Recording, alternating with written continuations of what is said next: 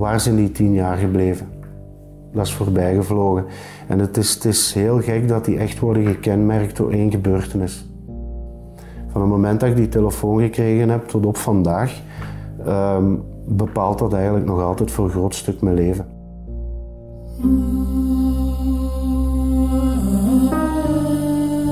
Emma die stond te popelen. Hè. Zij keek ook nog amper achterom, want ze had maar één doel die een dag en dat was zo snel mogelijk in Zwitserland zijn.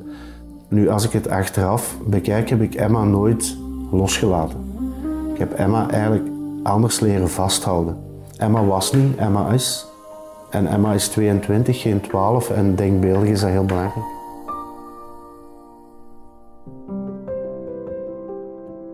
Hoe dat ik Emma herinner, eigenlijk een, een heel vrolijk, levendig kind. Uh, wat heel veel kleur bracht in het leven, want die was amper stil. Dus dat was altijd zo'n uh, een grote wervelwind. Uh, een knuffelbeer. De meest gekke momenten die konden met haar beleven. En kwam ze beneden helemaal verkleed.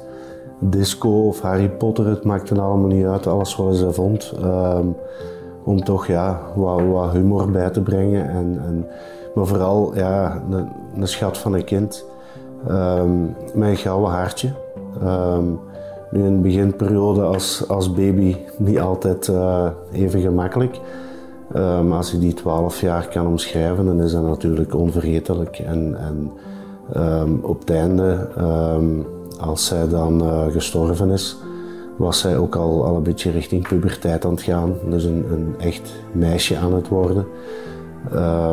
Met ook alle gevolgen van die natuurlijk, maar dan neem je er allemaal bij. En, en, uh, maar ik zeg het vooral een, een hartje. Um, niet op haar mondje gevallen en, en ja, een kind wat dat toch wel uh, een, een, mening en een doel had op uh, heel verschillende aspecten. Dus dat mis je dan ook wel, wel heel snel in huis. Tony Reinders spreekt met veel liefde over de herinneringen die hij aan zijn dochter Emma heeft. Emma vertrekt in 2012 samen met haar klasgenoten van basisschool Stekske in Lommel op sneeuwklasse naar Saint-Luc. Emma die stond te popelen. Hè. Ehm, dat was zo haar, haar eerste reis zonder, ouders, ehm, zonder mama en papa. Alleen haar, haar vriendjes en, en de leerkracht mee. En, en we merkten ook wel dat zij daar heel fel naartoe leefde. Er werd ook dat jaar in, in de klas heel wat rond gedaan. Uh, er hingen ook kaarten van Zwitserland en het gebied waar ze gingen skiën en verbleven. En ja, dat, waren zo van die aandachtspunten van Emma die, die haar wel, wel bezig hield. Uh, ik heb haar op 5 maart ook morgens aan de schoolpoort afgezet.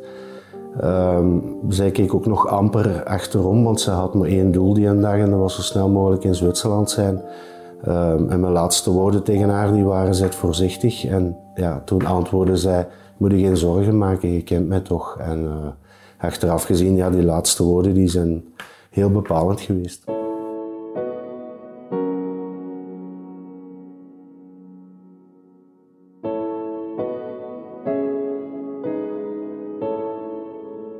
Dagelijks kregen wij zo via de website van school zo een aantal verslagen en foto's. Um, en dan, dan, ja, dan merkte wel dat er een en al plezier was. Um, iedereen had het daar leuk, allemaal lachende gezichten. En, en um, je zag ook dat plezier dat ze hadden in de sneeuw, maar ook tijdens die themaavonden en bij het eten en, en, en alles wat erbij hoorde. Dus ja, weet je, dat zijn zo belangrijke momenten die je achteraf voor jezelf nog hebt. Um, als zoiets gebeurt. Maar Emma heeft daar echt een, een, tijd van haar leven gehad. En als het dan toch moest gebeuren, dan, dan beter op terugweg, op terugweg als op weg naar daar. Want ik zeg het, ja, ze hebben daar echt tien dagen of zeven dagen van hun leven beleefd. Ja, samen met vriendjes, vriendinnetjes. En, en de eerste keer weg, zonder mama en papa. En dat is, eh, op die leeftijd is dat goud waard. Op 13 maart 2012 verliest Tony Reinders zijn dochter Emma bij het ongeval in Sierre. Maar hoe verwerk je als vader het verlies van dat wat je het meest dierbaar is? De eerste dagen, weken, maanden um, spreek ik niet van een, verwerkingsproces. Dat is onmogelijk. Elke dag sta je daarmee op, ga je daarmee slapen en, en je probeert die eerste maanden te overleven voor jezelf. En je, hebt altijd de neiging om, om in die, die eerste periode dat daarop volgt, om terug te gaan naar die moment. de mottigste plek ter aarde in Zwitserland waar het gebeurd is. Je wordt constant teruggecatapulteerd, maar je vindt niet de kracht en de mogelijkheid of de opening om te durven denken aan morgen. Dat duurt heel lang.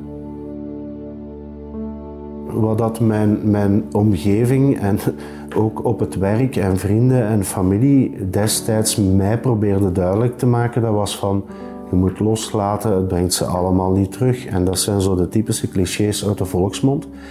Um, nu, als ik het achteraf bekijk, heb ik Emma nooit losgelaten. Ik heb Emma eigenlijk anders leren vasthouden. Dat moment komt er pas wanneer Tony Reinders voor zichzelf kan uitmaken wat er die avond gebeurd is in de tunnel in Sierre. Ik heb daar vrij lang op moeten wachten tot ik eigenlijk de moment kreeg dat ik heel veel antwoorden kreeg die gepaard gingen met heel veel vragen, waardoor dat ik eigenlijk niet aan mijn verwerking naar Emma toe kon beginnen. Omdat zolang dat je voor jezelf niet weet wat daar mogelijk gebeurd is, dan blijft dat eigenlijk ja, spoken in je hoofd en je vindt niet de rust om te kunnen zeggen van nu gaan we het op een ander boeg gooien en gaan we eens kijken of dat we die zwart-wit momenten de dag van vandaag ook kunnen omzetten in kleur. We hebben het officiële onderzoek gehad en we hebben het officieuze onderzoek gehad, zoals ik dat wel eens noem. En dat zijn bepaalde antwoorden die dat we zelf gaan zoeken zijn. Maar dat heeft er wel heel veel mee te maken, ja.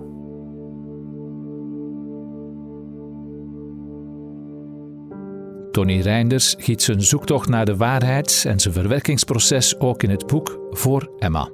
Goh, het boek is eigenlijk voor mij mijn, mijn manier van, van verwerken en, en toeleven naar die moment dat ik een bepaalde opening kreeg.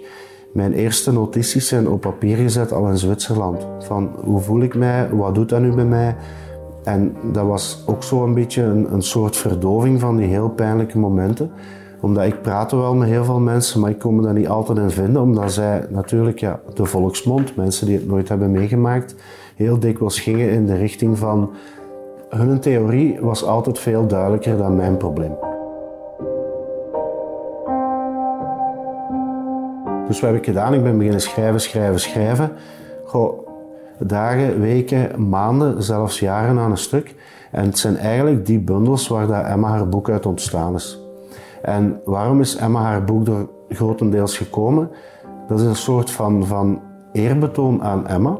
En ik vond ook op die moment, omdat er is zoveel gezegd in de media, zoveel geschreven, um, ook heel veel onzin, dat de mensen recht hadden om te weten wat dat er nu eigenlijk ja, in, in mij omging en wat dat er met mij als persoon en vooral de situatie wat met Emma gebeurd is, wat dat er ook allemaal zich heeft afgespeeld.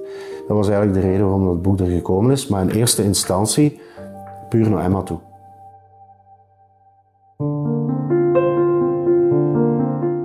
Dat heeft heel veel mensen geholpen en tot de dag van vandaag krijg ik nog alle weken ja, berichten van mensen die het boek nog gevonden hebben in de bibliotheek of via vrienden. Um, dat ik hun ja, op de een of de andere manier wel kunnen inspireren heb. Um, het zijn ook heel veel mensen die zelf ook een kind verloren hebben en die op zoek zijn naar zichzelf en alles wat er rondhangt. En dan zijn het soms ja, woorden die wonderen kunnen doen. Langzaam komt er weer kleur in het leven van Tony Reinders. Zes jaar geleden wordt hij ook opnieuw vader van een zoon, Thibaut. Ik herinner me nog de woorden dat ik in, in, in het boek schrijf. Er zal nooit nog iemand papa tegen mij zeggen. En dan zie je dat er ja, een paar jaar later wordt, wordt uh, Thibaut dan geboren. Um, maar we hebben hem altijd geprobeerd van daar voor een stuk buiten te houden. Omdat hij moet zijn eigen identiteit kunnen opbouwen. En hij moet geen persoon worden omdat hij gelinkt is met een bepaalde gebeurtenis. Wat heel veel mensen de dag van vandaag nog altijd doen. Nu, sinds een paar weken is hij ook in het boek van Emma aan het blaren en naar die foto's het kijken. Er zijn ook momentjes geweest in school dat de juffrouw mij opbelde en dat zij zei van ja, die heeft het momenteel moeilijk, want ja, um, hij spreekt over zijn zus. Waarom spreekt hij over zijn zus? Omdat er een uitzending geweest is op tv. En een van de kindjes had tegen hem gezegd, mijn mama heeft uw zus gisteren gezien op tv. Nu, in zijn beleving kan dat niet. Zijn zus is dood en dat is zo'n fantasiewereld ehm, dat de juffrouw daar eigenlijk wel uh, op moeten, ja, die heeft erop moeten inpikken. Dus zijn zoektocht voor een groot stuk is nu begonnen. We laten hem daar vrij in. Hij gaat binnenkort ook mee naar Zwitserland. Um, dat hem ook kan zien waar Emma geweest is, waar het gebeurd is. En ja, hij heeft nu de leeftijd en hij geeft de signalen dat hij daar wel klaar voor is. Maar vooraleer Thibaut mee naar Zwitserland kan, moet hij eerst nog leren skiën met een oude bekende. Het is uh, Nicolas die dat uh, Emma tien jaar geleden ja, heeft leren skiën in Zwitserland, die nu heeft voorgesteld vorig jaar. Ik wil uh, Thibaut ook leren skiën.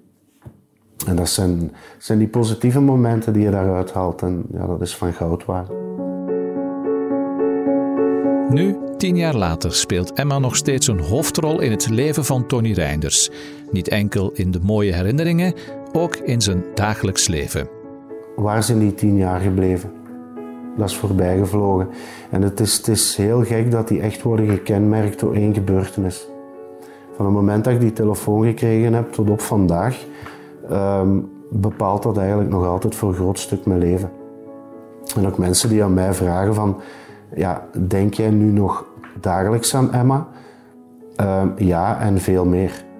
Omdat er zijn zoveel blonde meisjes in het straatbeeld die je nog alle dagen tegenkomt uh, en dat je nog even in een waas zit en denkt, ah nee, het is ze niet. Hè? Dat is onmogelijk. Um, als je met een auto rondrijdt, je komt heel veel bussen tegen en bij iedere bus dat ik zie, krijg ik nog altijd zo een beetje een flashback naar Zwitserland. En dat is normaal, want dat is, dat is een wonde die nog altijd niet, niet is genezen. Maar er zijn in die tien jaar tijd zijn er ook kansen geweest. En zijn er ook mooie dingen gebeurd. Ik bedoel, maar Emma die, die, die, die leeft met ons mee.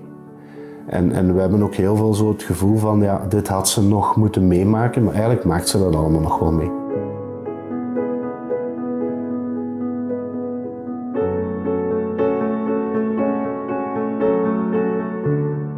Is nog met momenten heel sterk aanwezig en we merken dat het getal 13, hè, 13 maart, um, dat spookt nog altijd zo'n beetje rond in ons leven en dat komt nog heel dikwijls terug.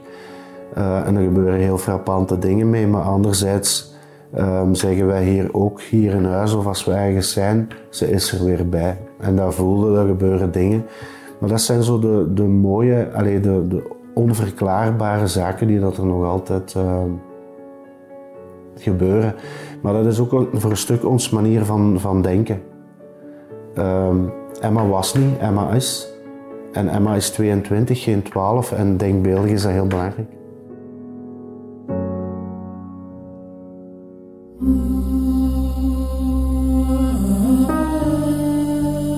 In de volgende aflevering van de TVL-podcast Sierre 10 jaar later gaan we op zoek naar welke lessen er getrokken zijn uit de busramp. Worden nabestaanden vandaag beter begeleid? En ligt er een draaiboek klaar voor dergelijke crisissen? Ik ben Luc Mons. De redactie en montage gebeurde door Tom Kums. De audioproductie door Len Melot.